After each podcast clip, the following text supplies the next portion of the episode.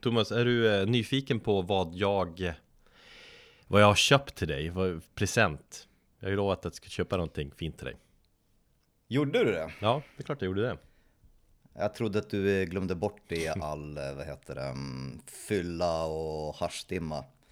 Men jag sa ju inte att du behövde köpa en present till mig, jag sa att jag gärna pröjsar för det. Så att bara du köper någonting. Du sa väl att du skulle ha något? Eller sa du att du skulle? du... Ja, jag är super, su- supernyfiken. ja, då får du veta det strax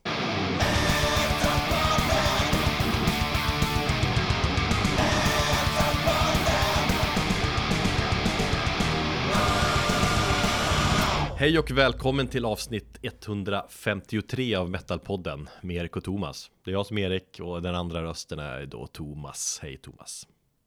Hallå. Känns som att vi har levt lite på olika planeter eller något sånt senaste tiden. Jag har varit och härjat på festival och vi har sålt vårt hus. Vi ska flytta till Norrland igen. Det är ju sjukt. Fan, det är en stor förändring på livet för mig och eh, kanske för podden också. Det vet vi inte riktigt. Um, Det är mycket som händer i mitt liv just nu kan man säga. Och du för en annan kamp här och kämpar på hemma vid. Eh, Det är inte som att vi är liksom inte på samma eh, frekvens eller vad man ska säga just nu. Nej, det är vi inte. Men eh, välkommen hem i alla fall. Tack! Skönt att du ändå tänker lite på mig ibland. Ja, jag har ju följt hela din resa och sådär och det är ju inte med ett litet uns av avundsjuka som man har sett allting där, den här friheten som man känner eh, när man är på festival. Men då är ju min fråga så här, kände du någon sån här post-roadburn depression? Jag har ju den just nu ska jag säga. Den är ju ganska tydlig. Du har det? Ja. Eh, Sen har jag också känt lite dåligt samvete mot dig. Alltså, för jag har ju haft det så härligt och sådär. Så därför har jag väl inte skickat så mycket från Roadburn. Eller har jag det? Jag, jag, jag minns inte riktigt. Lite grejer kanske. Men, men man vill inte... Ja, nej, det, men det har du inte. Men vad fan, du ska inte ha dåligt samvete. Vad fan. Nej men det är lite så man, man vill inte retas liksom. Det visste så höll ju Nej, du på vet. När du var där 2017 liksom. eller bara- Jag blev inbjuden till och chattar. Bara, "Åh, Vad fan är du Erik? Och sådär. Man bara käften. Era. Höll jag på sådär? Ja, ni höll på lite grann så. Nej men jag, jag, jag, vi har skrivit så mycket den här Roadburn-veckan. Och det enda jag fick av dig var ju för sig bara eh, ordet bög tillbaka. Hela tiden. Och vad man än skrev, det var bara bög. Bög. Musikbögen. Nej, jag är glad för din skull. Det är bra att du har fått kommit eh, iväg och få blåa iväg lite ånga. Ja. Eh, om vi ska snacka så. Eh, och sen så, det har, det har du varit värd. Jag, eh, även om det gjort ont att se alla härliga bilder och sånt där så har, har inte jag, jag skulle aldrig haft en möjlighet och eh, följt med hur det än hade varit. Så att eh, det är bara inse, inse liksom fakta. Ja, det är sant. Men istället så ska du få berätta om allting och så jag ska sitta här och lyssna och nicka som en jävla idiot. Ja, och då, exakt, då får du ändå uppleva lite grann av känslorna sådär. Det är, Ja, jag vet ju, jag vet ju, jag vet ju hur, hur, man, hur du känner, för jag har ju varit där, så jag, jag förstår ju precis känslan. ja. Nej, det blir, det blir mycket konsertsnack i det här avsnittet och massa annat. Så att vad fan, vi är inga döda sekunder här, utan vi kör igång.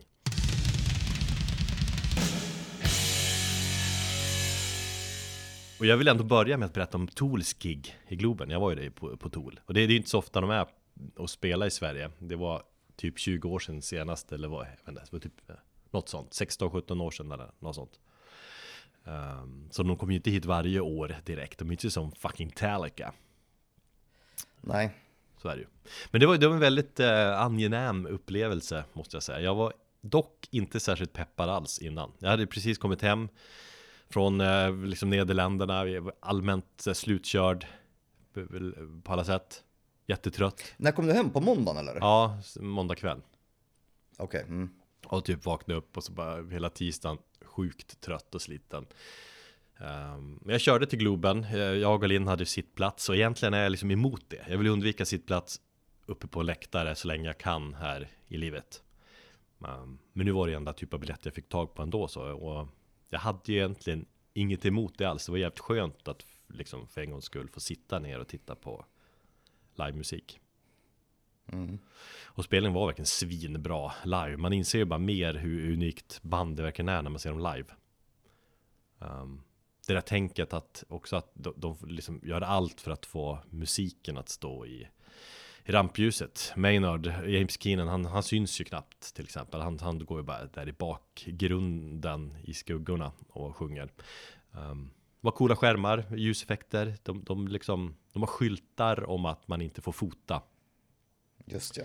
Mm. Man kan tycka Eller pissa från scenen. Eller pissa eh, på scenen. Eh, eller bli pissad ja. på, på någon på scenen. Men, men eh, jag, jag, kan köpa den då. Visst, jag vet att det finns, de, fotografer måste skriva på hårda kontrakt. Och det är liksom menat, det är lite, lite olagligt det de håller på med och därför är det liksom många som väljer att inte ens skicka dit fotografer. Um, Just det, som en protest ja. Ja, precis. Men jag gillar också ändå att de, de liksom, känns som att majoriteten där på spelningen respekterar liksom det här att nej, vi ska inte hålla på med våra mobiltelefoner. Och man bara tittar omkring, bara shit, det är ju ingen som fan filmar eller fotar det här just nu. Det är fin eh, känsla. Förutom sista låten, då sa liksom eh, chefen Maynard att nu är det okej, okay, nu kan du ta fram era jävla liksom mobiler och, och, och filma eller vad ni nu vill göra. Och hela Globen lydde. Nej, det gjorde det var okej, okay, var det bara okej, okay, men då, då filmar jag en liten stund där om det är okej, okay, men egentligen är det fel. Men bandet vill ju att det ska vara en, en Sagt, en upplevelse. Och jag tycker att, ja fan det var verkligen det. Ljudet var rätt bra för att vara sittplats och, och, och Globen. Och visst, de kör kanske några, ska jag tycka, lite egendomliga låtval. De avslutar liksom med, med några av de liksom svagare spåren från senaste plattan. De kunde ha kört några, några starkare val som en, fan heter den, Tempest. Den här Seven Tempest, Tempest. Eh, till exempel. Eh, Danny mm. Carey kör ett jävla trumsolo och, och den här uh, Kör den här Chocolate Trip Eller vad nu heter låten också så här onödig. Ja det är väl det, det jag har läst om att det enda som egentligen fick kritik det var ju hans eh, Danny Careys trumsolo. Mm. Nej men som helhet var det men... ju skitbra. Mm. Ja, nej, det verkar ju vara dumma att många som just tog eh, bilder när man såg det var ju precis i, slutet där och jag tror inte jag har läst, eller de flesta tyckte att det var en ganska magisk kväll. Mm. Ja, men jag håller med om det. Det var höjdpunkterna var väl när de spelade The Grudge, en låt som jag tycker ändå är ett av Tools bästa låtar. Men är de inte lite överskattade? Eller? Men det är väl alla band om man ska hålla på med så. Det, de är ju i alla fall helt unika. Det får man ju ändå säga.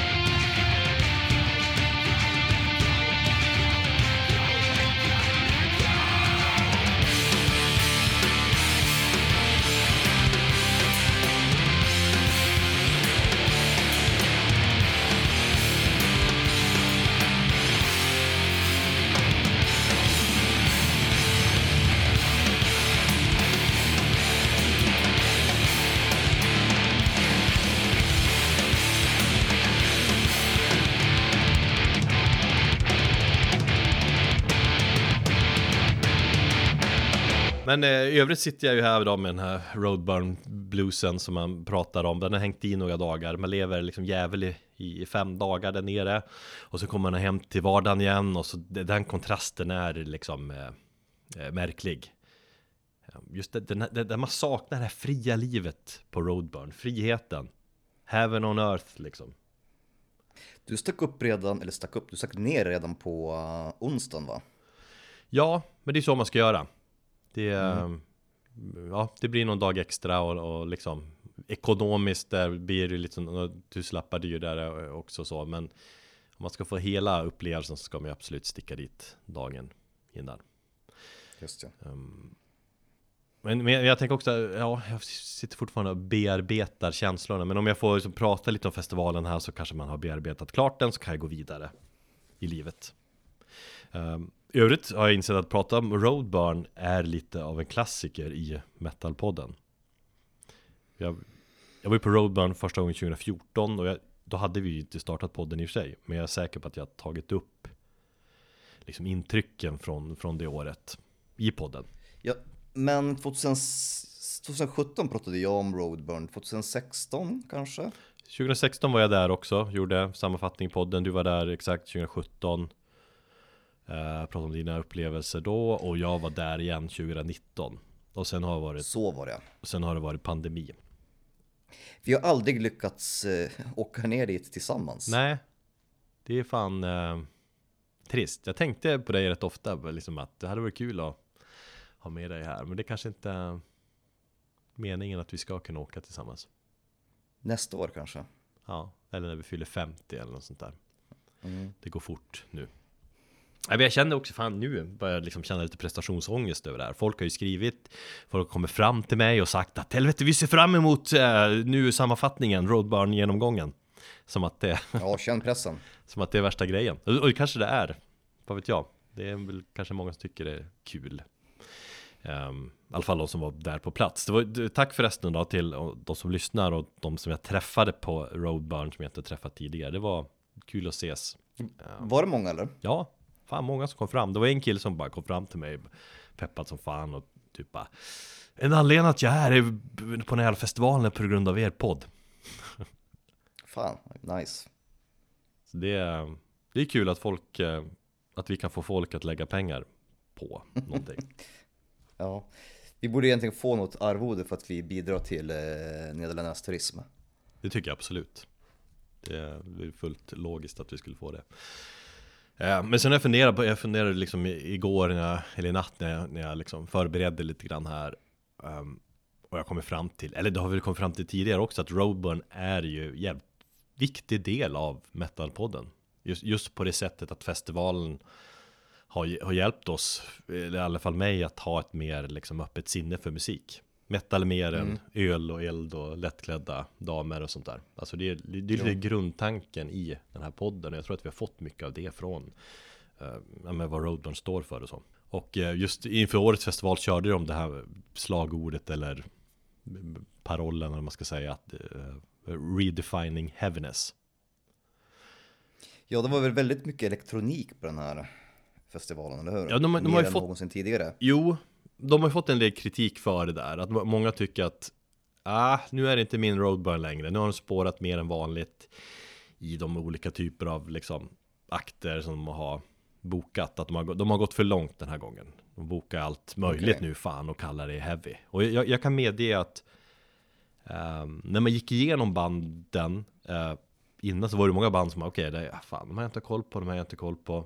Men man också tänkte, det här, är det här verkligen liksom Hör det här hit och så Så att jag var lite tveksam Men samtidigt var jag också mer öppensinnad än någonsin inför Den här Roadburn-festivalen Eller årets Roadburn Min inställning var att mm. liksom få eh, Liksom maxa upplevelser, se många band Jag har räknat att jag såg 35 gig mm -hmm. okay, ja. Och då jag tror det var mest av oss i gänget i alla fall och då snittade jag liksom sju band per dag. Eh, om man räknar onsdagen också.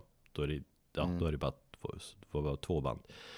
Eh, men sagt, det erbjöds allt. Det var från liksom mer ändå liksom, det finns ju liksom klassiska roadburn-genrer, band som liksom mycket doom och stoner, det finns black metal, men det är också bluesrock och krautrocken dominerade. Mycket spacigt, mycket mer elektroniska eh, band än tidigare Mer avantgarde Ska jag säga att det är också Jag tycker det är ganska skönt att de har liksom lämnat den här Doom och Stoner-follan. Jo men jag, jag tycker också det, för att eh, Alltså de banden finns ju också där, men om det är bara sånt så Nej, men det känns också att det var ganska länge sedan de lämnade det, tycker jag Mm. Men det, Ja, jo, det stämmer. men det, men det var lite liksom eh, allt är tillåtet känslan eh, Och upplevelsen nu efteråt är ändå att fan i stora hela var det ju fantastiskt. Jag har haft jävligt kul Fått massa otroliga upplevelser Det är känslan av att ja, men Just känslan av att bo där på City Hotel Vakna upp, vara lite sliten, ta första ölen ganska tidigt Komma igång igen, se massa band Massa artister igen och så göra så i fem dagar. Det här repeterandet, att kunna liksom Släppa allt annat. Jag har ju, typ, man kollar fan, läser inte ens på nyheter eller Släppte allt. Jag bara brydde mig knappt om mina mina ungar där hemma för att då skulle man längta lite dit. Utan jag bara var, var mitt inne i det där Härliga festival-ekorrhjulet eller vad man ska uttrycka det som. Kul för dig. Så det behöver vi småbarnsfarsor framförallt. Och lite negativt då om festivalen. Mina listar bästa banden här. Eh, Saknar lite folk på platsen då. Jag tänker i vår Roadburn-chatt Som har varit med ett antal år så är vi ju 20 pers ungefär Du är ju med där, du, Mm. det är inte så ofta du läser i den eh, chatten men, men vi är ju som en stor Roadburn-familj Så det, nu nu var vi väl kanske hälften av dem på plats Um, så jag saknar några där. Det kändes som att det var en del avhopp redan tidigt. Ja, och då har vi lite olika förklaringar. Dels vissa som sagt gnällde på line-upen, vissa menade ekonomiskt att det, det, det kostar ju på. Det, det går ju på några tusen lappar kan man säga. Mm. Sen allmänt, festivalen har ju blivit lite, det är som två centrala delar nu är, och den är lite mer utspridd än vad det var tidigare. Så var det ju även liksom 2019 kanske, men nu mer än någonsin. Det är det är ju dels den här gamla klassiska 013 scenen, mainstage-området där. Och så är det Jo. lite mindre scen bredvid. Men sen har man också det här övre området, Koppelhall delen som har en stor scen och så har den en mindre eh, och så lite scen runt omkring och så. Men eh, det blir som att det blir lite spretigt utdraget själva festivalområdet. Men det ja, det är på gott och ont. Man får, man får traska mycket. Jag tror jag snittar så här 14 000 steg per, per dag. Bara att man går omkring från de olika områdena. Men i, i sann metalpodden och Roadburn-anda så ska jag lista de här av eh, och vi har gjort så här varje gång tror jag. Eh, Fem bästa spelningarna på Roadburn 2022. Eller de, eller, ja. Fem jävligt bra upplevelser som stod ut för mig. Jag är inte helt eh, överraskad av dina val. Nej, jag har väl teasat någon på nå- någon Instagram och så. Mm. Men eh, låt höra. Ja. Nej, men jag, jag, jag ska kolla igenom schemat och jag var ärlig mot mig själv och kom fram till att det här var jag starkast minnen till. Och sen insåg jag sen också vilka band jag hade valt så ser jag att det är en ganska stor röd tråd. Eh, inte för alla band, men för tre i alla fall är det ju liksom space rock. Och space rocken var en stor del av årets Roadburn måste jag säga. Rymden togs in i mig totalt under festivalen. Är du? Rymden är ett fantastiskt eh, ställe att försvinna i just nu. Ja, vi börjar. Vi kommer ju ner där på onsdagen som sagt. Eh, officiellt startar ju Roadburn på torsdagen. Och så är det torsdag, fredag, lördag, söndag. Men det är vettigt att flyga ner dagen före av två anledningar. Dels får man liksom, man får sova ut på torsdagen istället för att man ska ta ett väldigt tidigt flyg. Det är ju bara jobbigt, där är man ju trött. Utan det är skönt att komma ner på onsdagen och få sova ut och liksom kan bara dricka öl i lugn och ro och uh, ha det härligt. Men sen är det också, det är ju band som spelar på onsdagen och kallar det The Spark eller någonting. Alltså det är som är förfest. Just det. Um, det var tre band som spelade, jag såg två, jag såg Maggot jävligt bra. Och så såg jag Temple Fang. Och Temple Fang, de, de ersatte ett annat band. Men de gjorde ett jävla intryck på mig. Jag har knappt hunnit lyssna på dem. Uh, de, de är från Amsterdam tror jag, lirar psykedelisk rock, space rock. Den fullängdare som de har släppt så är det fyra låtar och alla är typ 20 minuter långa. Okej. Och det kanske är spontant så kanske det inte är liksom eh, Det kanske inte är den starten man, man spontant behöver på en festival. Men det, det, samtidigt var det exakt det var den starten jag, jag ändå kände att eh, jag vill ha. Otroligt jävla mm. liveband, spelar med så grym känsla. De har en gitarrist eh, som också sjunger ibland som verkligen som ja, men använder sin gitarr som bara del av sin kropp på något sätt Eller hur fan man nu ska beskriva det men, men just det, när space rock är riktigt jävla bra Då är det ju få grejer som är bättre. Alltså upplevelsemässigt. Mm. Och just Temple Fang satte liksom också ribban för den här festivalen med svinbra spelning. Ehm, man, man häpnas över, och det har jag liksom upplevt här festivalen, hur jävla bra musiker det finns. Man känner sig så usel själv när man upplever, ser alla de här jävla bra musikerna överallt Ehm, men så en stor del av festivalen var mycket space. Eh, mycket spelare jag såg, där svävades det iväg liksom.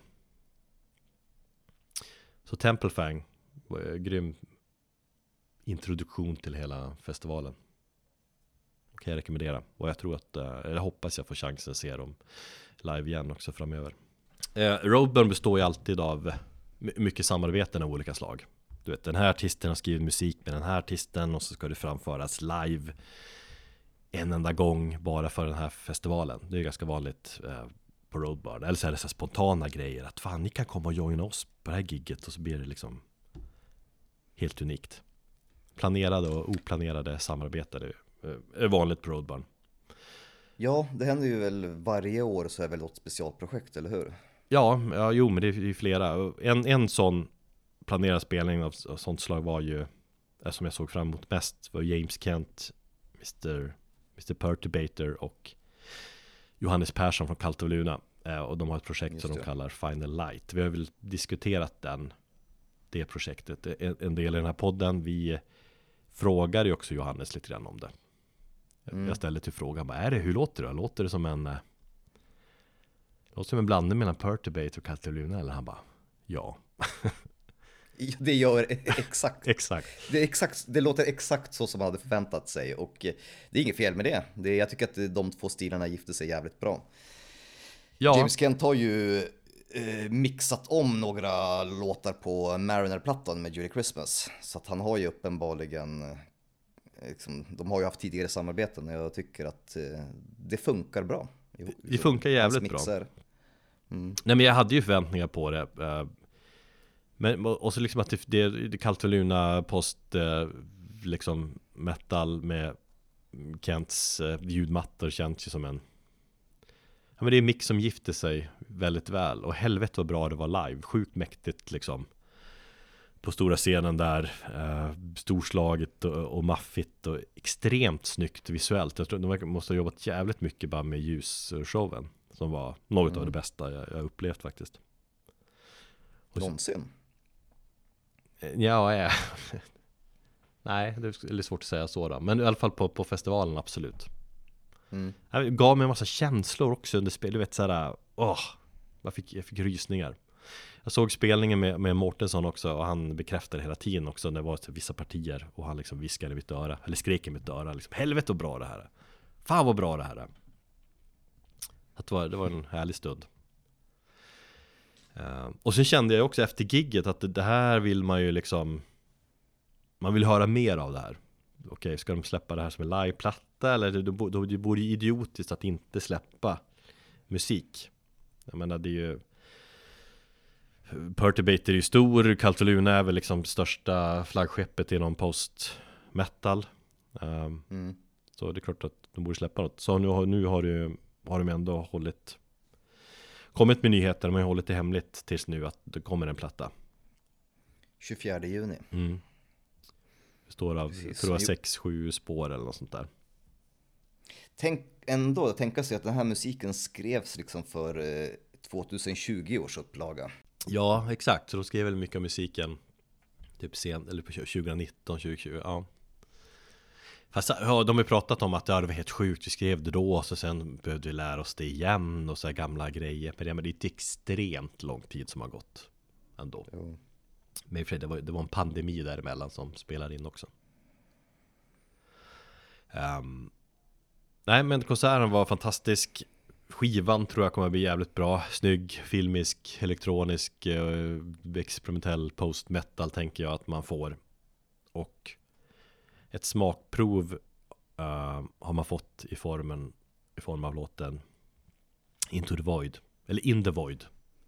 Så vi lyssnar lite grann på den.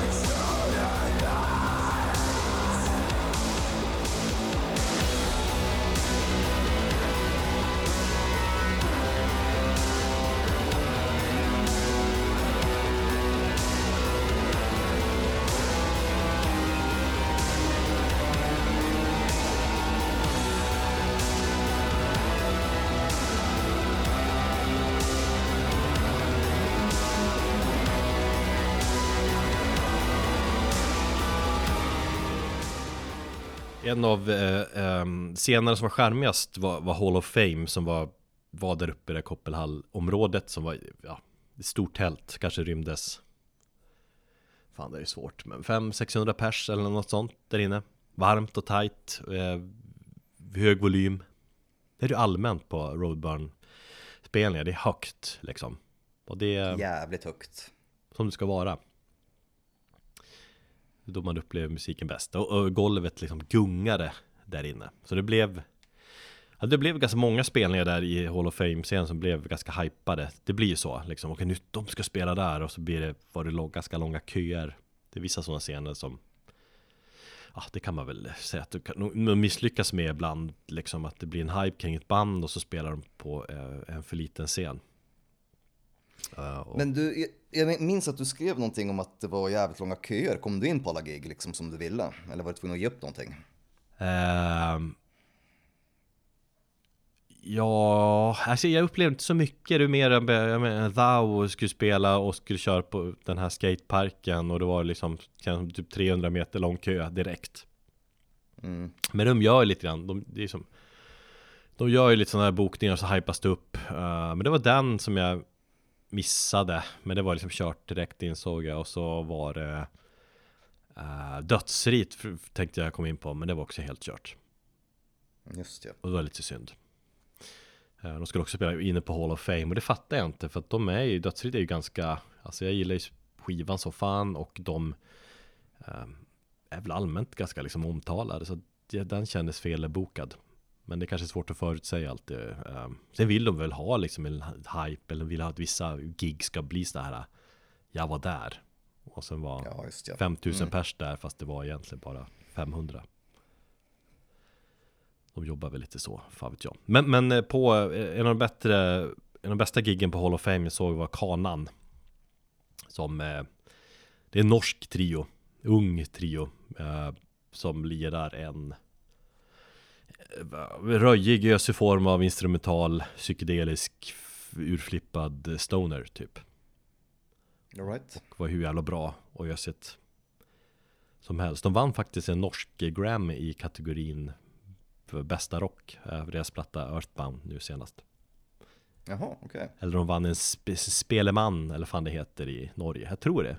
S- Spelmannapriset. Ja, visst heter det det? Jag tror det. ja. Uh, alltså det, det är ju svinbra platta. Jag hade helt liksom missat dem innan och blev eh, fan tagen hur bra de är. Man, visst, man hör influenser från en del band, man hör Kajus, man hör liksom eh, Hawkwind och, och sen har de väl själva tusen influenser säkert också. Men de har ändå någonting eget, helt klart. Och så är det charmigt att de är Även att de känns så unga liksom. Basisten, han är, Hur, han är hur unga pratar vi liksom? jag vet inte 23 Pratar vi kanske. 16 eller 25? Ja men typ 23 säger jag. Kanske helt right. Ehm, Men det var basisten, han är en smal kille, skjorta där liksom ärmarna går ner till underarmen, du vet. Ehm, Brillor som åker ner lite på näsan som han måste, han måste trycka upp då och då. Lite sån nördig Gullig look, du vet. Men också bara briljerar totalt med basgångar. Jag älskar ju folk som inte De behöver inte göra sig till liksom Alltså bara här står jag och så bara kör de igång och så är det hur bra som helst. Det blir en härlig eh, kontrast då. Och så är det också skönt ibland med instrumental musik. När folk vet hur man ska göra det. Alltså när det blir det här gränslösa tänket. Bara Fan vad skönt att slippa sång och sådär skit. När det bara öset med riff och galenskaper och space. Ja, det det är ett tveeggat svärd för min del, men absolut, det kan, det kan gå an. Tänk att live funkar det bättre också i regel. Fast jag gillar ju skivan, köpte ju deras t-shirt och var, var fan peppad som fan. Så vi lyssnar på låten Pink Riff.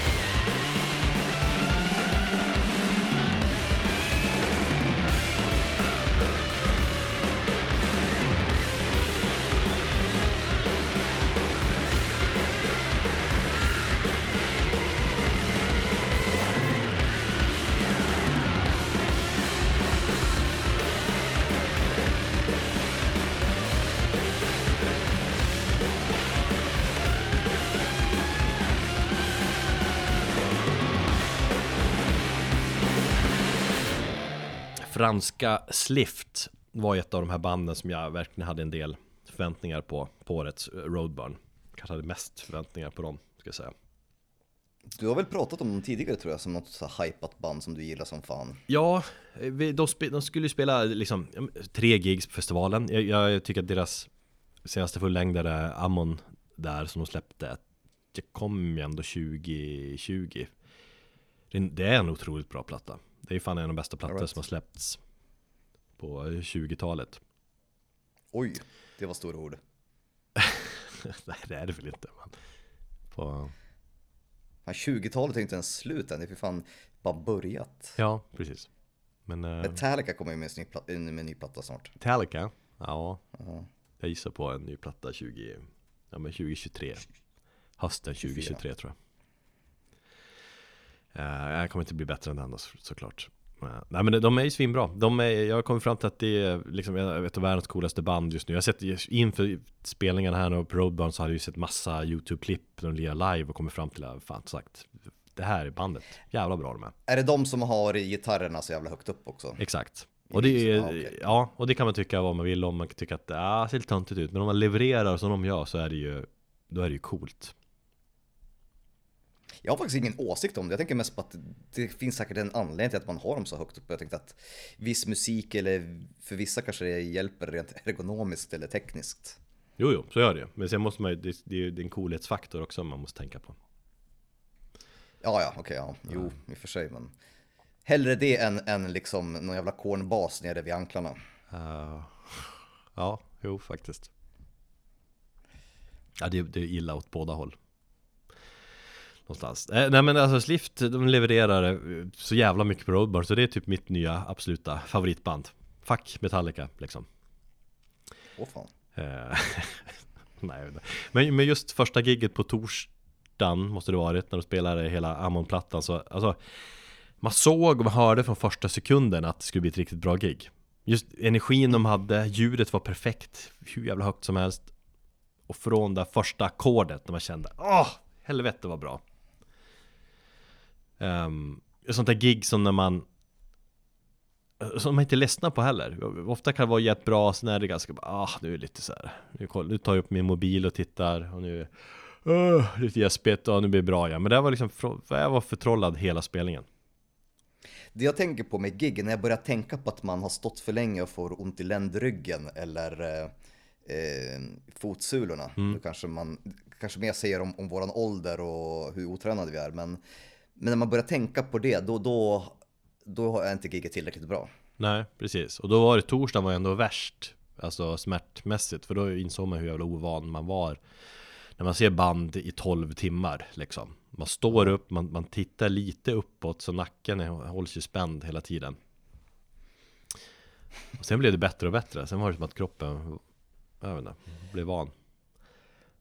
Få konsertnacke eller konsertkropp som du kan anmäla till Försäkringskassan Jag tänker att det är fan bra träning. Stå upp liksom. Ja. 12 timmar per dag. Nyttigt för en gam, gam gubbkropp. Uh, ja, med Slift. Uh, uh, ja, men det, det är en sån här spelning som uh, i efterhand också. Och, och jag kände vi, när vi snackade efteråt det är en av de här största livekickarna jag har fått på, eh, på, på många, flera år. Mm. Och, och, det var som att det var, det var en påminnelse om varför man, man håller på med det här musiknörderiet överhuvudtaget. Varför man vallfärdar till spellokaler hela tiden. Det är för att man är jakt, på jakt efter det här ett sånt där knark, slift-knarket liksom. Mm. Otrolig spelning. Så kör de ett, ett till gig eh, dagen efter med, med så här okänt material eller tidigare inte spelat material som var Det var bra, det var lite mer flummigt, lite mer experimentellt eh, inte på samma nivå som första kvällen Och sen tredje giget, då samarbetade de med en snubbe som hette Etienne Chomé Eller något sånt där, någon fransk saxofonist slash syntkille um, Som verkar vara ganska stor um, Inom sin sin, sin grej. Um, så då, de hade specialskrivit om någon form av musikaliskt stycke där som ja, men varar en timme, vandrar långt ut i galaxen och, och kom hem igen. Som jag också jag kände att ah, här kommer bli flummigt. Och det var det, men det var, jag var också helt tagen av den, det giget också. Mm. Men ändå liksom en, en, helt annan känsla än första giget. Så jag är liksom jävligt imponerad av att ett band kan bjuda på sånt brett register av musik. Och så är det kul att se en sån här riktig syndkille som han hade med sig så här enormt Du vet, liksom eh, proppskåp eller vad man ska kalla det Ett syntskåp med massa kablar eh, Massa hål man kan sticka in kablar och koppla hit och dit Typ 100 hål och massa reglage Som man kan skruva på så det blir massa ljud Vad man nu kallar sånt Coolt.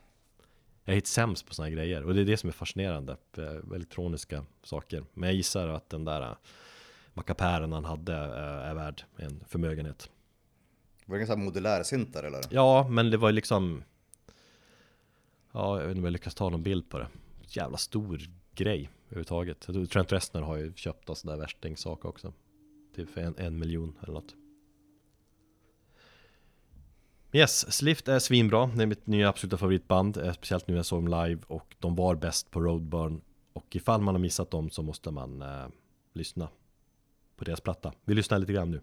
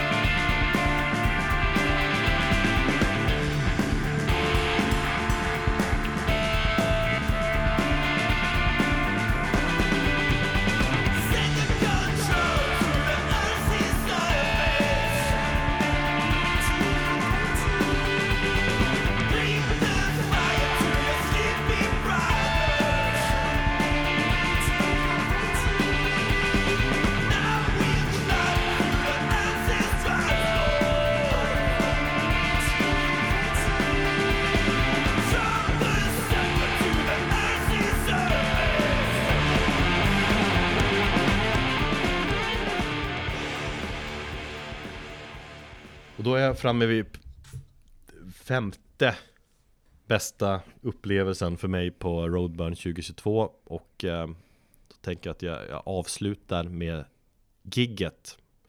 Eller avslutar med att prata om gigget som avslutade hela Roadburn. Eh, Jag började med typ det första med Temple Fang och eh, Thou avslutade hela Roadburn. På söndagen va? Ja och det är också så här, hemliga gig är ju en rätt vanlig grej på Roadburn att det, det, det finns en stor anledning till att folk går omkring och kollar ner på sina mobiler hela tiden. För plötsligt kan det dyka upp ett så här oannonserat gig i en lokal Typ att eh, om 30 minuter spelar det här bandet där. Och man bara helvete. Och så blir det en hype-grej och så folk springer dit. Så ser man en lucka i schemat till exempel på en av större scener Då kan man vara ganska säker på att det kommer att hända någonting Mm. där Uh, och ett band som dök upp där på festivalen utan att det var Det var inte officiellt innan Att de skulle vara med Men det var ju Thou som De var ju i och för sig lite husband 2019 också Eller då var de Okej.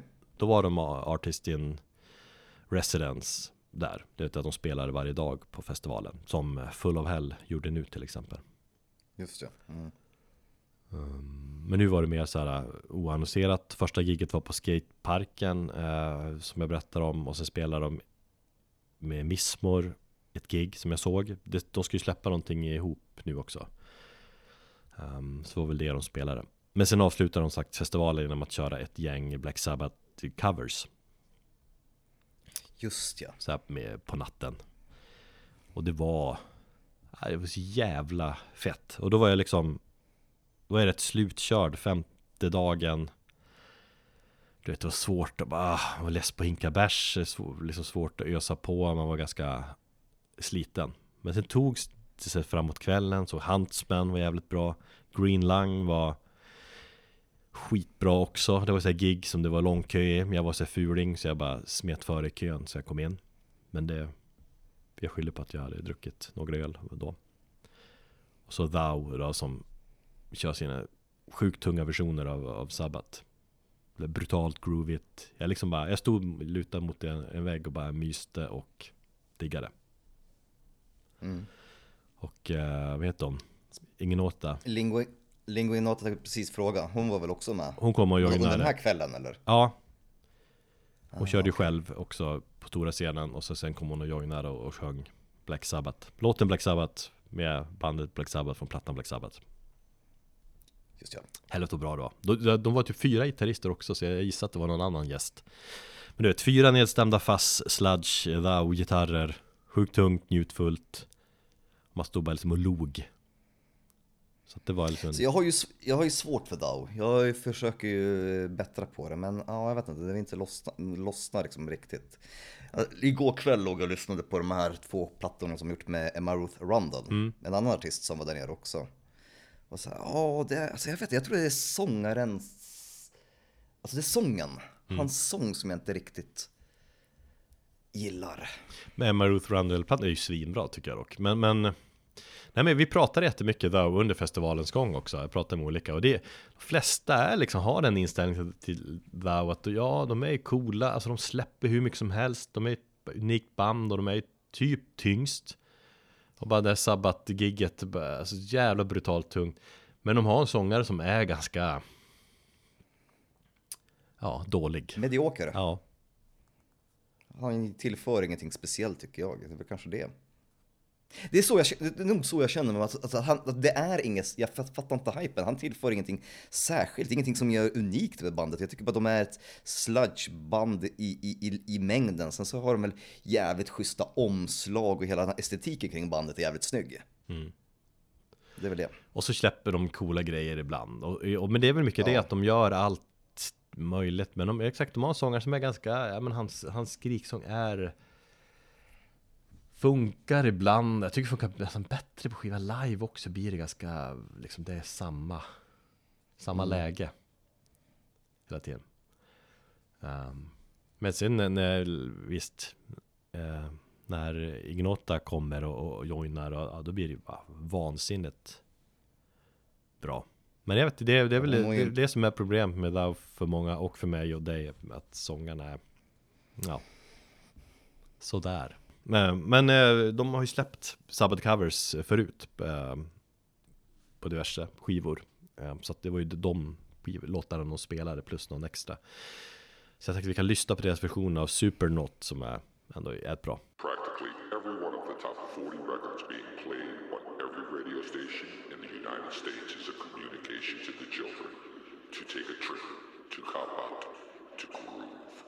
psychedelic jackets on the record albums have their own hidden symbols and messages, as well as the lyrics to all the top rock songs, and they all sing the same refrain.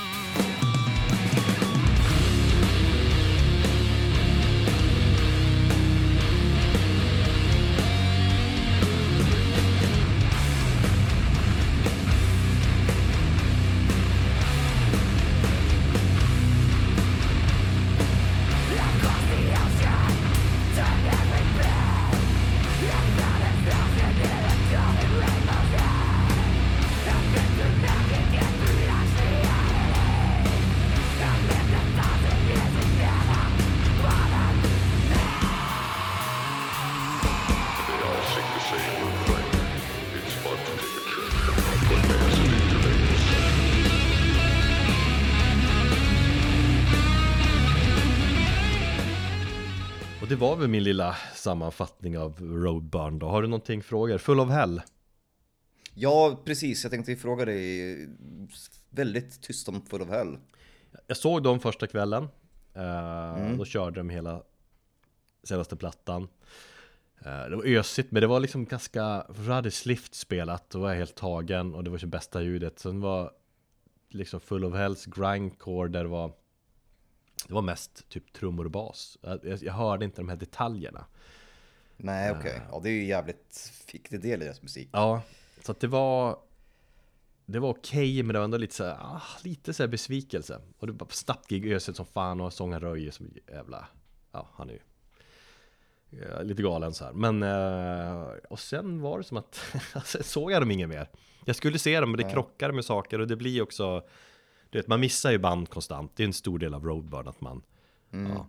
Och jag men och så, och, men jag tog ändå chansen att se sjukt mycket band och Det var egentligen, alltså Allt var ju mer eller mindre bra um, Vad var, var det någonting som var uselt? Wild Creature körde samarbete med um, Vad heter hon då? Uh, fan fick jag hjärnsläpp Bismuth? Ja, med Bismuth och det var Ja det var plågsamt dåligt Wild Creature skulle vara förband till Blood Incantation när de spelar i Stockholm här 12 juni. Så att, eh, ja, nej jag gillar inte Wild Creature. Ja men jag såg Wild Creature förra Roadburn ja som var, då, Ja. Eller för, förra kanske när, På kyrkan, när den fortfarande fanns Det kanske var 2016 då Ja, det måste men, det ha varit. Men, men ehm, det här var liksom bara, det var, det var jävligt, det var inte inrepat, man såg dem titta på varandra, jaha okej du kör det här partiet nu. Och så hade de ett, hade liksom piano eller stor flygel inne på scen och så satte de sig det och tog någon sån här äh, Pianoackord som kändes bara, oj, det här var ju, alltså det var dåligt. Men det var tre låtar, det kanske blev bättre, men de tre låtarna jag såg var verkligen Det var liksom, ah, jag, alltså det var pinsamt dåligt. Du såg inte Emma Ruth Rundle? Det gjorde jag inte, det krockade med någonting annat Ah, fan. Jag såg Gold Eller GG Old Ja just det, ja, de det, ja. ja det var ja, riktigt bra Hon hade ju hur mycket folk som helst på scenen ja, Storslaget, alltså det är, den skivan är riktigt bra Ignota är ju speciell också. det upplevelse att se henne. Men hon, hon kör ju helt själv på scenen. Det tycker jag blir lite fattigt. Så all, all musik är liksom förinspelad. Och så är det ju, Jaha, Hennes- ja det känns ju lite trist. ja, men alltså hon gör ju teater av liksom showen och hennes, hennes röst är ju helt liksom, ja, fascinerande på alla sätt. Det är ju väldigt speciell musik. Vad eh, fick jag då av dig? Just det. Det var det vi skulle göra. Jag får nästan visa. Jag får slå på uh, skypen här. Så får du se. Vad, vad tror du att jag... Att du ska få? Ett par sliftstrumpor. Nej, de har jag köpt till mig själv. Ja, Är du med då? Ser du mig? Ja, jag är på. Mm, mm, mm. En full of hell beanie. Yay! Det är fan sommar. Ja, men det blir, det blir, vin- det blir vinter och då kommer du vilja ha den här. Nej, ja, för lite för mitt stora huvud alltså. Ja, det såg jävligt lite ut. Det såg ut som en liten... Eh, det såg ut som ett ollon. Därför jag aldrig har på mig Ja. någonting, jag hittar aldrig någonting jag kan ha på mig det kommer, det kommer, jag tänker att det kommer värma dig till vintern, då kommer du på dig en full av helgmössa och så kommer du liksom tänka på mig Ja, speciellt med, med tanke på att eh, Full of Hell skulle ju spelat på, i Stockholm idag. Mm. När vi spelar in detta. Så att eh, jag hade ju varit där. Ehm, men... Eh, ja, de ställde ju in det, så det blir lite trist. Det är ganska dåligt att de ställer in det Men var inte det där logistiskt? Att då, har de sålt för? Logistiskt och, pers- och, pers- ja, logistiskt och personligt tror jag det var. Ja Men de spelar ju de spelar ju på hela- Roadburn liksom så att vad fan, eh, det, då har de ju sålt för dåligt Just då ställer de in Ja, men de har ju ställt in hela Europaturnén. Ja, det har sålt dåligt Det är inte... Ja, ja, ja möjligtvis. Eh, ja, de kommer tillbaka i höst i alla fall så att eh, man får se dem då. Istället får jag se Switchblade när det här avsnittet släpps. Ja Så är det. Nej men eh, kul, kul att höra din eh, redovisning och att du, du har haft det kul, bög. Ska vi gå vidare? Ja, Ja, medan du har haft, varit ute och roat dig eh, så har jag egentligen liksom kämpat med, med livets alla vändningar som, som, som slängs på en. Det har varit ganska mycket rutin här, träning, lite jobb. Eh, ja, du vet hur det är när man är småbarnsförälder. Jag älskar det inrutade livet du verkligen kör för att liksom ha kontroll på dig själv känns det som Filmer Ja, plöjer ja. ut på helvete också Jo, men, men eh, precis. Jag inser att jag börjar mitt nya jobb här om två veckor så att jag försöker få ut det, det mesta jag kan av min, eh, av min ledighet. Så jag gymmar som fan. Det gäller också, hjälper också att hålla tankarna borta eller tankarna i styr. Jag ser mycket film för att försvinna. Och lyssnar på en hel del eh, elektronisk och, och, och syntig musik. Eh, så det har varit väldigt lite metal eh, för min del, förutom just ett band som jag har så här, återupptäckt på, på nytt och även upptäckt på riktigt. Och det är Morbid Angel. Mm, fan Så jag tänkte, Intressant. Ja. Ska göra en liten sektion här som avslutar här avsnittet med att göra en Morbid, Morbid Angel Revisited.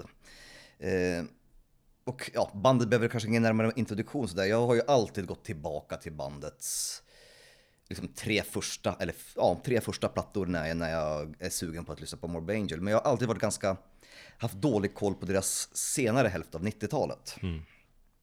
Ja men det, Och det är väl den perioden. Ja. det, så är det ju exakt för mig men alltså, Och därför om du, ska, om du ska koncentrera dig på bandets liksom eh, Från mitten av 90-talet och framåt så är min input i princip noll ska jag säga Ja, men- just det, Morbid Angel, ja men det är ju utan tvekan ett av de mest inflytelserika dödsbanden genom tiderna Alters of Madness i King, allmänt den trippen som sagt Fan, vad har vi? Blessed, Are the Sick och vad heter tredje plattan där? Covenant. Covenant, bra skit. Fan, de var ju med i Beavis and Butthead också där på 90-talet, kommer jag eh, Som jag Ja, eh, precis. Jag tänkte komma till det. Men det är ju sista spåret på Covenant, eh, God of Emptiness. Just det. Ehm, Den spelades ju jättemycket på, på Headbangers Ball och Mm. på Beavis and Butthead. Ehm, Det var den låten som jag, var den första låten som jag hörde med Morbid Angel när man kollade på, på Beavis and Butthead då. Jag är ganska den, säker på att det var exakt samma för mig Det var liksom introduktionen Jag det- till, till Morbid Angel var genom Beavis and Butthead Jag tror det är ganska vanligt bland, bland eh, folk i vår generation eller i vår ålder. Ja. Eh, Men det var egentligen plattan eh, Domination då från 95 som, som gjorde att jag kom in i bandet på riktigt. Och det är ju så, man pratar ju om, pratar man om Morbid Angel så pratar man om de tre första eh, plattorna för de är ju väldigt, väldigt eh, det är ju milstolpar inom genren.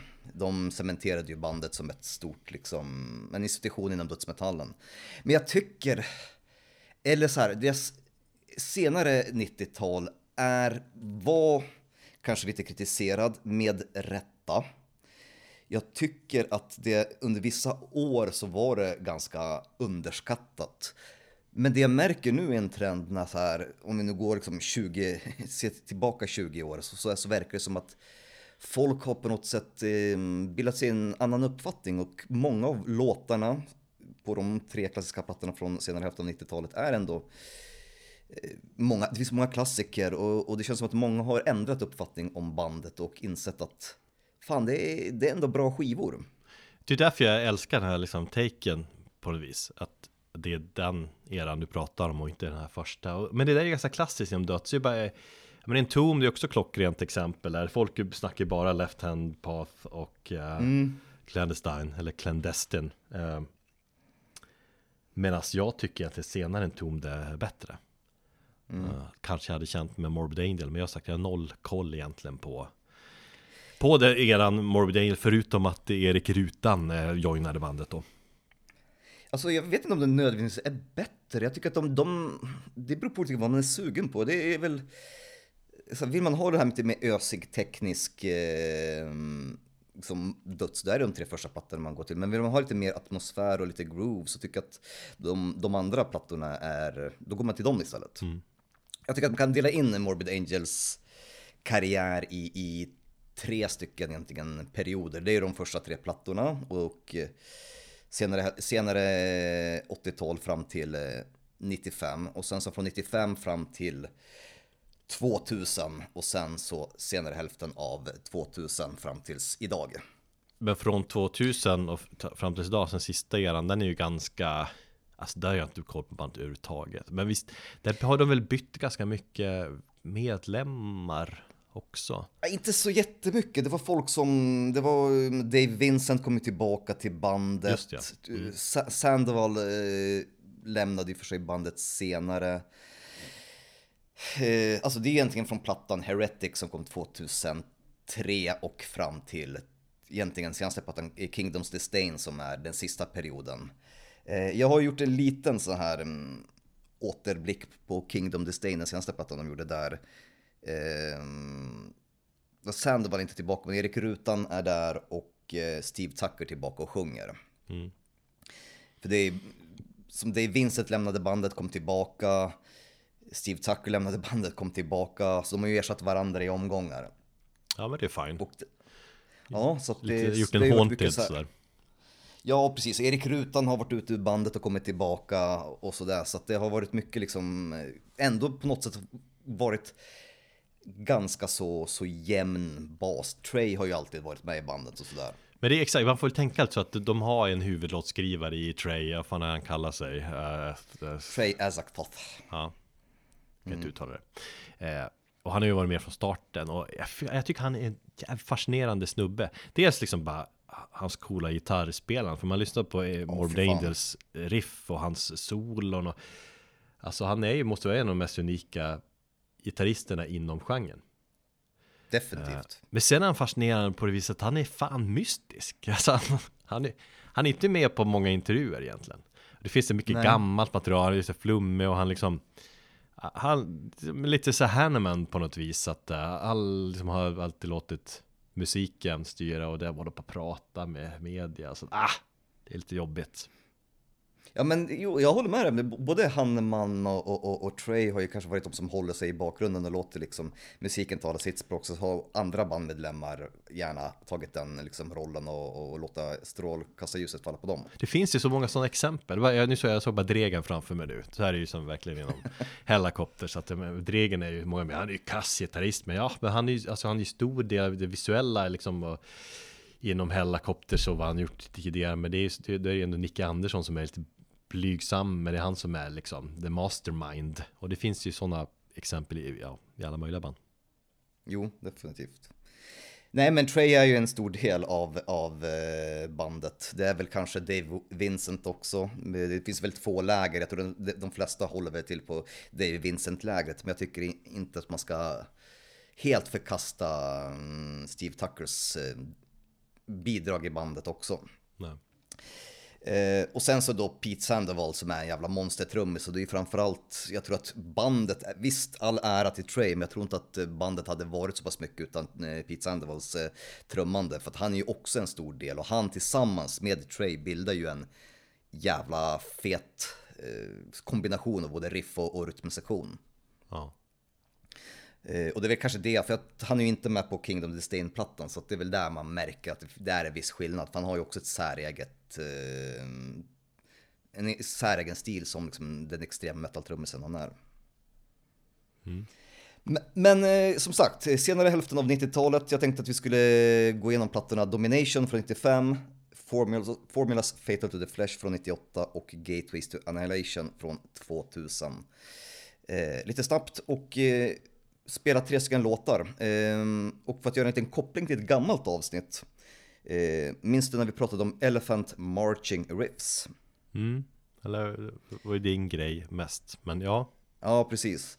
För er som inte riktigt vet vad det är så får ni antingen googla det eller så får jag hänvisa till avsnitt 46 där vi pratade om ja, elefantriff. Det är en viss typ av riff som eh, funkar jävligt bra ihop med eh, bastrummor och en trumtakt som gör att det du får visualisera dig en stor hord av elefanter som går framåt. Och, ja, var det här din första liksom, eh, hänvisning till ett gammalt eh, metalpodden avsnitt någonsin i den här podden? Faktiskt, jag var tvungen att kolla upp det och, och, och leta rätt. Snyggt. Eh, men då, då gjorde jag i alla fall, jag gick igenom de fem eller om det var fan tio, nej, jag tror det var de tio bästa eh, Elephant Marching Riff-låtarna. Ehm, så där kan man lyssna på det om man vill. Ehm, Morbid Angel var ju eh, är ett band som är liksom väldigt, jag vill inte påstå att Trey kanske kom på det. Jag törs inte svara på det, men jag tror att Morbid Angel i alla fall är en stor del i att ha liksom framhävt den här typen av, eh, av riff. Och det vet jag att Erik Rutan också har, har varit med om, i och med att han gör det väldigt mycket på i sitt andra band, Hate Eternal. Mm. Men om vi börjar med Domination så eh, det är skivan som jag kom in i bandet med på riktigt eh, när jag hörde låten Hate Work. Eh, den spelades flitigt, det var också den låten som jag brukade köra väldigt ofta på så här.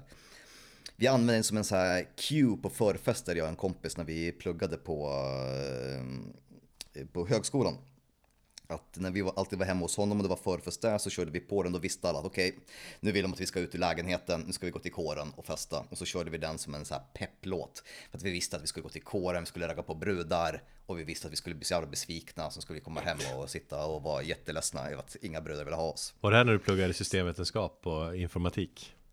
Precis, i, eh, ja precis, jag började det 90, 98. Ja. Nej, förlåt, 2001 var det. Du kunde blivit um, som jag.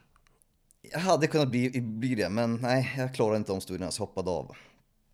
Eh, nej men i alla fall, eh, det är den sista skivan med Dave Vincent innan han hoppade av och sen kom tillbaka på den kritikerrosade tänkte jag säga, den, här, den kritiserade Ilo de Divinum i Sanus-skivan där de kör någon jävla techno-rave. När kom den? 2011? Uh, uh, säger jag. Ja, ja, du säger. Ja, precis. Eh, bandet var tillbaka på Earache, det var det bolaget som upptäckte dem och signade dem för först. Eh, och då hade de då på Covenant lämnat eh, e- Earache för ett bolag som heter Giant, men de hade gått i, i, i konkurs så de var tillbaka på Earache. Och Erik Rutan hoppar på här också i bandet och är med och skriver lite eget material. Den här skivan har ju blivit lite kritiserad för att den har blivit den gör egentligen ingenting nytt med Morbid Angel. Den är ju egentligen...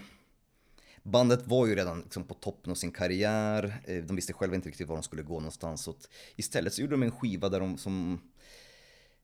Som var lite mer, det var lite mer groove, den var lite enklare. Det var liksom bort med de här komplicerade takterna och all den här... Liksom, den var enklare på ett sätt. Den var lite mer nu metal. Ja, det vill jag kanske inte påstå, men den, den var lite, lite rakare. Det var mer groove och mer utrymme för melodier. Och det märker man också på, på senare hälften av, av, av 90-talet, att det var väldigt mycket atmosfär i, i, i Morbid Angels musik. Och det är det tycker jag är, är en jävligt stor del av deras senare 90-tal, för att det, det är deras styrka. Mm. Alltså nu metal är, är skällsord så, men alltså, faktum är att alltså, senare delen av 90-talet inom metal, alla delar av metal är ja, mer eller mindre uh, udda liksom. Och det, det känns som att ja. det, det, det, spelar in på alla, jag menar, det påverkar i Slayer och det påverkar för alla band. Just att hitta någonting nytt uh, på något sätt. Ja, jo men... Och därför tycker jag ofta den, den perioden är jävligt liksom intressant, förbisedd av många. Ja, men det, kan det, vara, det kan det mycket väl vara så. Jag, jag tänker att till och med Slayer kom inte undan den. Även om deras musik inte var, lät nu metal så var den ju lite kanske påverkad. Jag tror det var svårt att kanske undvika att bli på, påverkad av en sån tydlig trend som pågick då. Mm. Så att det låter väl inte som nu metal, men den var ju lite, den var ju lite rakare, den var ju kanske, jag vet inte, mer kommersiellt gångbar, eh, kan man väl säga. Eh, Dave Vincent själv var jävligt trött på att skriva om eh, blasfemi och gudshat och han ville göra någonting nytt med sina texter. Trey eh, var ju i en, som han själv har uttryckt det i intervjuer, i en slime eller svamp, swamp face. Där han, där han eh, han har gått igenom olika så här, kreativa faser i sitt liv. En lavafas, gudsfasen, det var den tidigare fasen. Lavafasen kommer senare. Men här på Domination så eh, var han inne i sin slimefas och det är ganska tydligt i, i låten Where the Slime Lives. Det finns ju någon sån YouTube-intervju med honom, en av fåra där han går omkring i någon jävla träsk eller han är ute efter någon slime eller något sånt där. Sjukt ja. uh, udda. Det är ju jävligt kul för att band, eller Eric gjorde ju, um, de skulle göra en eh, så här limiterad eh, utgåva av CDn eh, som de kallade för Slime Pack. Och de hade inte, alltså de, de, så här, de letade efter, runt hela världen efter något presseri som kunde liksom göra ett, ett slimepack där man fick med lite slime eller någonting, men det gick inte. Så till slut så kontaktade de någon, något företag i, i USA Ehm, och bara, man kan ni göra ett slime till den här skivan liksom? vi ska göra ett speciellt, mm, liksom en, en, en Collector's Edition. Ehm, det företaget visste inte att det här, skulle, att det här slimet skulle gå till en, ehm, till en CD-skiva, eller till en musikalisk produkt. Patentet för de här barnslimen som skivbolaget trodde att de skulle få, det, det var ju liksom upptaget så det fick man inte göra. Så här företaget gjorde ju ett väldigt toxiskt slime Eh, som de sen paketerade in, så när de skickade det till Airrake, så när de öppnade upp det så, så, så, jag tror det var i tullen som skivorna fastnade och då hade de bränt hål i CD-skivorna, i fodralet, i allt. De hade till och med bränt hål i, i, i tullpersonalens kläder. För, okay. för det var så pass frätande. Oops. Så det finns, tyd, ja, det finns tydligen 50 till 100 oöppnade eh, slimepacks kvar och de säljs för 1200 dollar. på, på, på nätet. Och det ska tydligen vara det dyraste um, Collector's Edition från Morbid Angels hela katalog. Härligt ju en sån grej som är i grunden ganska töntig, liksom slime, ja. att vara döds liksom. Och så, och så fallerar det totalt och så blir det ändå i längden lyckat med, med en sån härlig story. Ja, efter, i efterhand. Och det var väl, eh, det var väl skivbolaget som ville göra Trey lite, ge honom lite, ja, i och med att han var i sin, i sin eh, slamfas där. Men vi lyssnar på hur det låter med eh, ett jävligt snyggt Elephant Marching Riff i själva låten Where the Slime Lives.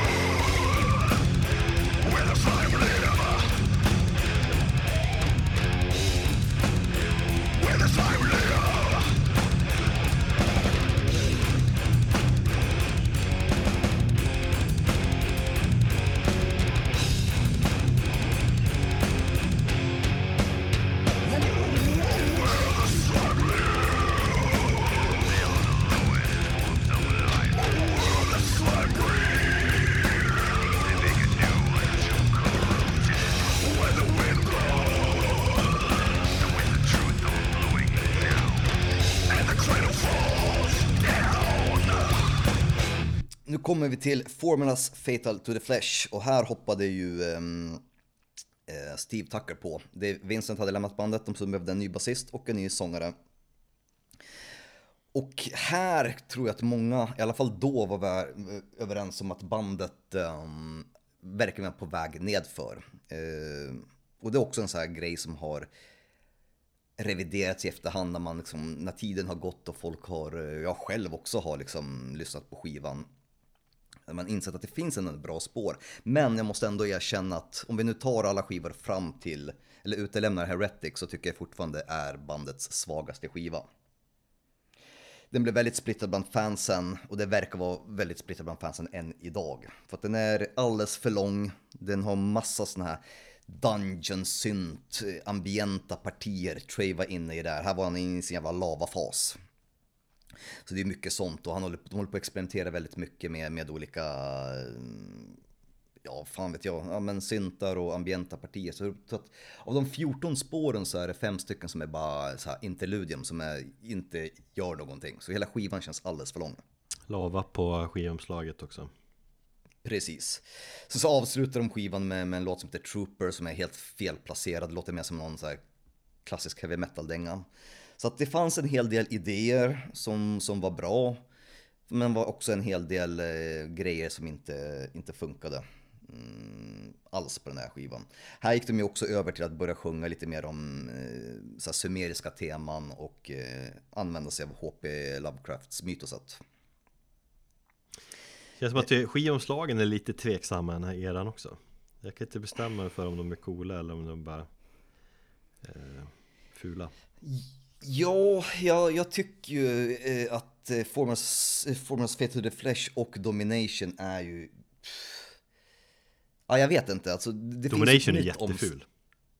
Ja, men det finns ett nytt som används nu på återpressarna som är ännu fulare. Och när man tittar på den här nya omslaget då tycker man att domina- alltså originalomslaget eh, faktiskt är jävligt snyggt. Jag måste någonstans erkänna att det, det är väldigt klassiskt. Det kanske inte är snyggt men det har blivit coolt med tiden. Form, formulas, ja det vette fan alltså. Jag är, lite, jag är lite splittrad där också. Men det känner jag också, om jag jämför med de tre eh, första plattorna Så de känns ju så jävla klassiska De skivomslagen Ja, i jämförelse Men det är väl mer också men- att jag har, jag har inget förhållande till de här äldre eh, Eller de här nyare ska man säga eh, Plattorna men de första plattorna, vad heter han som gjorde omslaget till eh, Entombed? Eh, Left Hand Path, eh, den killen. Ja, Dan Seagrave, så heter han ju. Eh, nej men i, överlag så är väl Formulas ett helt okej album med, med lite lösryckta idéer. Eh, som går an i, i, i små doser. Eh, vi ska lyssna på låten Nothing Is Not där eh, man har jävligt tydligt Elephant Marching Riffs och så har vi också Erik Rutans. Jag tror att Erik Rutan och eh, Nej, han hade faktiskt hoppat av, på det här, eh, hoppat av bandet på det här albumet så han har ingenting eh, här att göra. Han kom tillbaka på Gateways istället. var inte Rutan med på har alla de här tre plattorna? Förutom Formulas. Okej Vi lyssnar på låten eh, Nothing Is Not.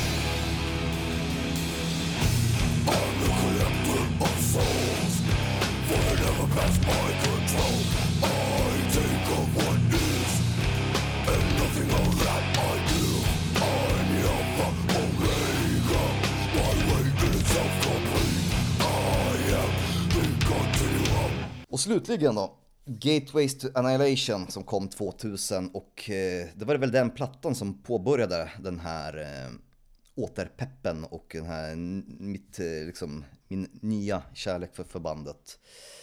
Eh, och det är kanske den plattan som jag kommer tillbaka till mest när jag är sugen på att lyssna på Morbid Angels eh, senare 90-tal. Eh, omslaget. Jag fick en fråga här häromdagen om vilket omslag som jag tycker är snyggast inom metal. Jag tyckte det var så jävla omöjligt att svara på. Och så här, spontant så tänkte jag på något Iron Maiden. Jag tycker till exempel Power, Power Slave-omslaget är, är, är snyggt.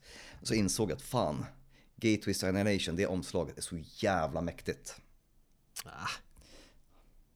Inte. Ja, alltså det, det, det finns någonting, det, det är någonting med atmosfären på det omslaget som jag tycker, och sen med musiken, det är. Jag får lite Giger-känsla av det. Ja, men här var de ju också ännu mer inne på eh, Lovecraft-mytoset och det universumet. 2000 var ju inte direkt eh, dödsmetall populärt, nu metal hade ju tagit över eh, helt och hållet så att eh, Morbid Angel var ju kanske mer förpassade till underjorden eller till periferin medan nu metalbanden eh, upptog all tid och plats i etern. Erik Rutan kom tillbaka på den här plattan. Och det hörs ganska tydligt för att samspelet mellan honom och Trey är väldigt tydligt. Han var ju med och skrev lite eget på Domination, men här så tror jag att de, de samarbetade tajtare. Och det hörs för de avlöser varandra, det är lite snyggare solon, det känns bara som att de allmänt avlöser varandra i, i sina gitarr, i respektive gitarrspel väldigt snyggt. Känns som att han varit med hur länge som helst, eh, Rutan också. Men ja, född 71, 50, 50 Ja. bast. Det är kanske inte lika mycket av en rifffest, men eh, det finns istället färre riff, men mer eh, vad säger, minnesbara. Och eh, skivan känns lite konkretare också. Och, och jag tycker att här gjorde bandet ett stort jävla uppsving uppåt. Och det tycker jag sällan man kan snacka om band som eh, är liksom, vad är det? Det blir tre platt, eh, sex plattor in i karriären liksom helt plötsligt lyfter sig och eh, spelar jävligt bra igen. Mm. Och, och det är det bästa albumet med eh, Tucker också, tycker jag. Så att det, ja, det, det finns eh, en hel del att, att hitta i, i ehm, bandets 90-tal helt enkelt. Och sen så har jag försökt att komma in i Heretic, det, det går absolut inte. Det, där har vi, där var det på riktigt på väg nedför. Jag tror inte jag har hört till någon egentligen prata gott om det albumet. Den där var bandet på dekis. Och sen så kände jag väl att de behövde förnya sig med att göra någon jävla form av eh, döds-rave-techno eh, i slutet av 10-talet. Eller i början av 10-talet. Men vi lyssnar på um, Summoning Redemption från Gateways to Annihilation. Eh, och så tycker jag att det här får avsluta det här avsnittet.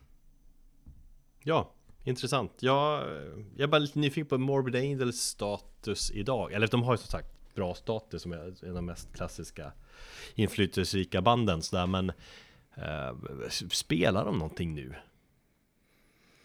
Mm, ja, Dave Vincent kör ju live med sitt I am morbid. Ja, Eh, och det har jag sett. Han är, tror jag, till och med ute och turnerar i USA, eller i USA ganska frekvent. Han har ju varit eh, ja, relativt nyligen. Eh, Morbid Angels, där vet jag fan inte. Fan. nej. Det får vi kolla Ja, upp. de, sp- ja, eh, ja, eh, I am Morbid, ja, spelade så sent som 22 april. Eh, i, ja, de är ute på en Europaturné till och med, ser du? Tillsammans med Belfagor, Hate och Scapos. Morbid Angels spelade eh, i september. Ett gig, verkar det som, sen 2019. Ja, Ja. nej, de verkar inte spela jättemycket då. Fast, jag vet inte, det blir, ju- det blir ju lite... Det blir lite så här, fan vet jag, att leva på gamla influencergrejer. Och Ja men vad fan, vilket band gör inte det? Ja men Entombed ska spela nu till sommaren, eh, alltså, Förvisso. ja. Bra så, Kul att höra din röst igen, det var ett tag sedan. Tack för att ni hänger med och lyssnar. ta hand om er.